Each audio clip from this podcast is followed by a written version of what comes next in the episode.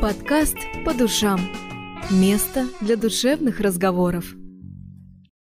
Здравствуйте! С вами подкаст «По душам». Меня зовут Катрин Шейн, я нутрициолог и тренер по здоровью. И мы с вами продолжаем говорить о здоровье и здоровом образе жизни. Одно из самых распространенных заболеваний, которое свойственно в большинстве своем женщинам, это гипотиреоз, заболевание щитовидной железы. И это заболевание заставляет многих женщин испытывать дискомфорт от наличия избыточного веса и постоянной отечности что из-за особенностей заболевания становится достаточно сложным процессом, чтобы от этого избавиться. Щитовидная железа — это орган, который отвечает за обменные процессы. И при повышении функции гормона щитовидной железы обменные процессы замедляются. Отсюда и возникают сложности со снижением веса. Первое, что стоит учитывать, когда функция щитовидной железы нарушена и замедлена, Бесполезно пытаться ее разогнать. Необходимо действовать с учетом медленных обменных процессов. А значит, количество воды и жидкости не должно превышать 1-1,5 литров воды и любых других жидкостей, в том числе чаи, кофе, бульоны в день. Поэтому, если у вас есть гипотереоз, то я рекомендую кушать цельную пищу и избегать такие продукты, такие блюда, как супы. Количество приемов пищи не должно превышать 3 приема пищи в день. Физическая активность должна быть регулярной но спокойный. При гипотереозе подойдут прогулки, пилатес, йога, плавание. Однозначно нам не подходят силовые тренировки, не подходят интенсивные тренировки, круговые тренировки. Это будет заставлять организм испытывать стресс и на фоне этого задержку жидкости. Ведь кортизол, гормон стресса, он у нас как раз таки является одним из тех причин, почему у нас задерживается вода в организме. Антистресс — это номер один задача людей с гипотереозом. Достаточный отдых, достаточно достаточный сон. Это все поможет избежать чрезмерной нагрузки на щитовидную железу. Вообще изначально при высоком стрессе как раз-таки один из активных органов — это щитовидная железа, потому что он находится у нас в гортане, примерно в этой части да, нашего организма, и выглядит он как бабочка, и каждый раз, когда мы с вами стрессуем, эта бабочка начинает порхать буквально, то есть ну, разгоняются вот эти боковые части этого органа, и чем чаще человек находится в стрессе, стрессе, тем активнее нагружается наша щитовидная железа. Поэтому в том числе и с целью профилактики очень важно следить за тем, чтобы вы не находились в постоянном стрессе, чтобы вы достаточно отдыхали, достаточно спали.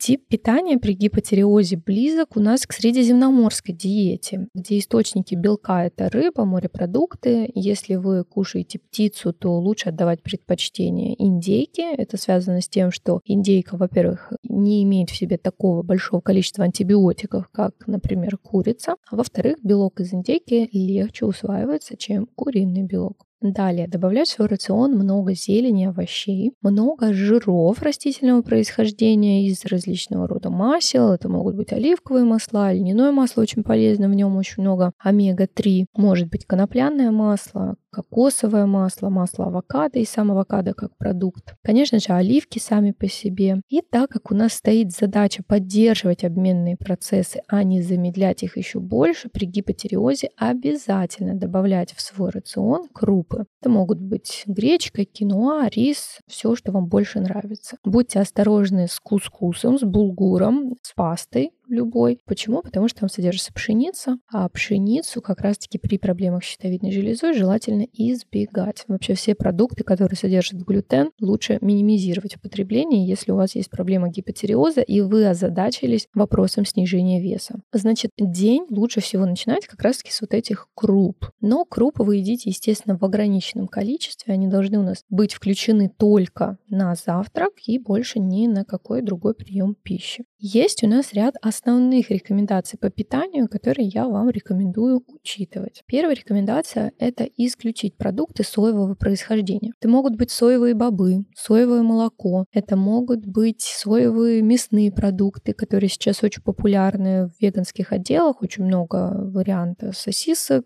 мяса соевого, сыра соевого. Будьте в этом вопросе внимательны. И также, когда вы, например, покупаете какие-то протеиновые батончики, покупаете суперфуды, углеводы какие-то, добавки. Следите за тем, чтобы соя не входила в состав. И также соевый соус. Напоминаю, что он тоже сделан у нас из сои. Это очень логично. И также соя у нас содержится во многих колбасах, даже если там есть мясо, очень часто туда все равно входит соя. И есть у нас соевый лецитин, который тоже не подходит при проблемах щитовидной железы. То есть, подводя черту, следите за составами продуктов, читайте их и следите за тем, чтобы там не было сои. И еще одно такое популярное блюдо сегодня это поки-боулы. В поки-боулах очень часто добавляются соевые бобы. Ну, здесь проблема решается очень просто, вы их просто не едите. Либо, если есть такая возможность, просите, чтобы вам их не добавляли. Следующее. Необходимо ограничить употребление овощей, которые входят у нас в семейство крестоцветных. Крестоцветные — это у нас разные сорта капусты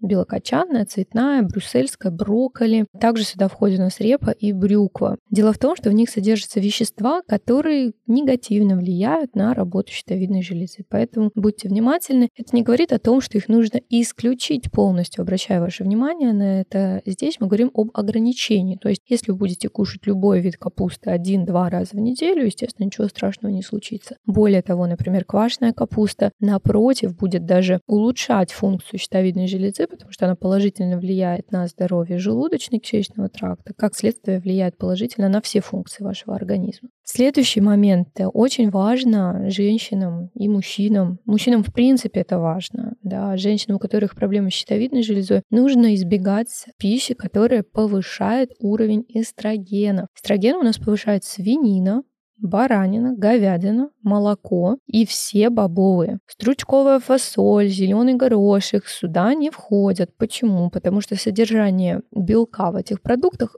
очень-очень маленькая. Мы говорим с вами о бобовых, таких как фасоль красная, чечевица, маш, горох, который добавляется уже, например, в гороховый суп, то есть не зеленый горошек стручковый, да, а именно уже такой высушенный горох, да, вот это у нас группа бобовых. Ну и, конечно же, молоко в чистом виде. Вообще, если вы старше 35 лет, я вам рекомендую молоко исключать из своего рациона, ну и лучше делать это как можно раньше. Вообще есть такое, да, мнение о том, что люди — это единственные животные на Земле, земле, которые продолжают пить молоко во взрослом возрасте.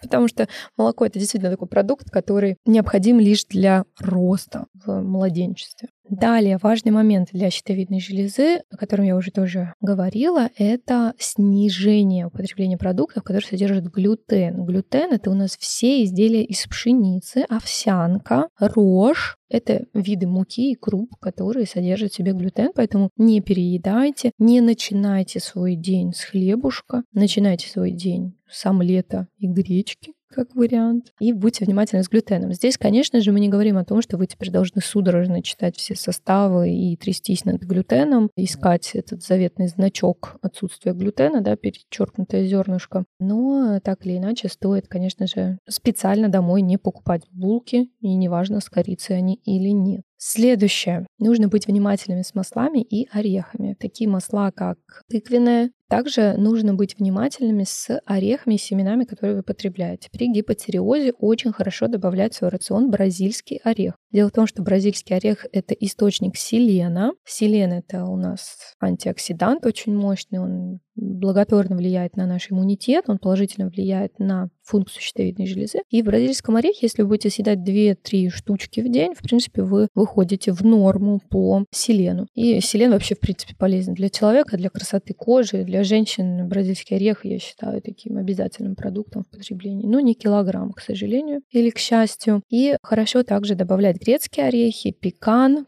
кедровые орешки и миндаль. Помните о количестве 15-20 грамм максимум. Если вы будете переедать орех, конечно же, ни о каком снижении веса здесь речи быть не может, даже если вы весь глютен мира исключите. Следующая рекомендация, она очень базовая, она не только для тех, у кого проблемы с весом, с гипотериозом, это в принципе для всех людей, которые хотят все-таки жить качественно. Знаете, как говорит очень популярный врач, жить здорово, здорово, да. Так вот, для того, чтобы жить здорово, здорово, нужно снижать или даже исключать простые углеводы. Простые углеводы это у нас булочки, чипсики, да, ну, в общем, все, чем мы балуемся. И здесь есть еще такой момент. Мы иногда не задумываемся над тем, что когда мы покупаем кашу пятиминутку, например, вы купили себе овсянку, которую варить нужно две минуты, а лучше даже не варить, а просто залить кипятком и сразу сразу же съесть. Мы не относим это к простым углеводам, но на самом деле, несмотря на то, что да, это овсянка, там есть простые углеводы, это чистейшего вида сахар. Поэтому читайте внимательно составы, и иногда даже в самых полезных продуктах вы удивитесь, и вы найдете там сахар. Предпочтение от сложным углеводам, естественно, мы отдаем это крупы, едим их только на завтрак, как я до этого и говорила. Конечно же, на обед тоже допустимо, но на обед лучше тогда добавляйте в меньшем количестве, естественно, крупы и можете использовать какие-то виды корнеплодов, например. Из молочных продуктов в редком исключении можно кисломолочные, но я все же рекомендую вам отдавать предпочтение кокосовому йогурту,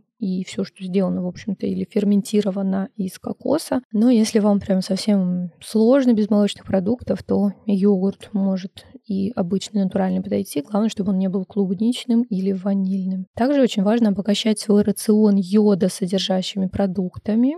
Это важно для щитовидной железы, то есть йод — это то, что защищает нашу щитовидку. Это могут быть отруби с ламинарией, продаются они в специализированных магазинах, где продаются различные полезные продукты. Вакаме — это да, морские салаты, это может быть нори, то, что вы в суши видите. Только суши не надо есть специально, чтобы нори поесть. Нори можно отдельно покупать, листы нори, добавлять их в салат, в пищу. Они прекрасно сочетаются, они дают великолепное обогащение вкусами. Также очень хорошо добавлять клюкву в свой рацион и индейку, как я и говорила. Режим питания у человека с гипотериозом выглядит так, что у нас три приема пищи, размер порций до 400-450 грамм и между между приемами пищи полный голод. То есть, если у вас есть гипотереоз, то между приемами пищи вы не ограничиваете себя в потреблении воды, да, но в рамках того, что вы пьете литр-полтора, не два, не три, не четыре литра. И между приемом пищи вы ничего не едите. Если говорить о температуре воды, которую вы пьете, всегда давайте предпочтение. Это на самом деле не зависит от того, есть у вас гипотереоз или нет. Это, в принципе, такая общая рекомендация всегда пить максимально, возможно, теплую воду. То есть вот максимально, как вы можете. Если у вас есть условия создать для себя такую воду, только смотрите за тем, чтобы она была не кипяченая. Вообще, если подводить черту, то еще хочу дополнить, что гипотереоз тесно пересекается с вопросами психосоматики, а именно с подавлением эмоций, как негативных, так и позитивных. То есть щитовидка она находится у нас в гортане, и вот ощущение кома в горле, когда вы проглатываете что-то всегда, вы не можете говорить о своих желаниях, вы не можете проговаривать то, что вас беспокоит, или даже то, что вас радует, ведь мы и хорошие иногда эмоции не можем проговорить. Нам сложно поблагодарить человека, нам сложно проявить свои какие-то позитивные эмоции. И это все тоже приводит нас к развитию заболеваний щитовидной железы. И, конечно же, ни в коем случае нельзя закрывать стресс себе. И один из методов, как закрыть стресс себе, это заесть его, да, поэтому я всегда говорю о том, что кушайте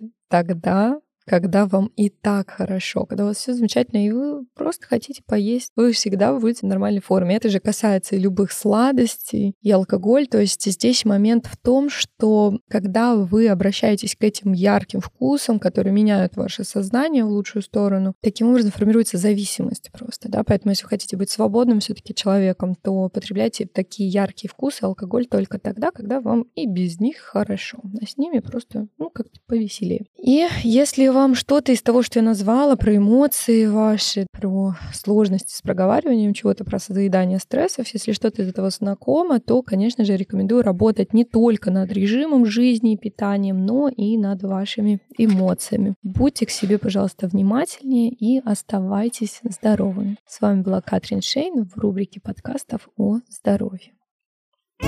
Подкаст по душам. Место для душевных разговоров.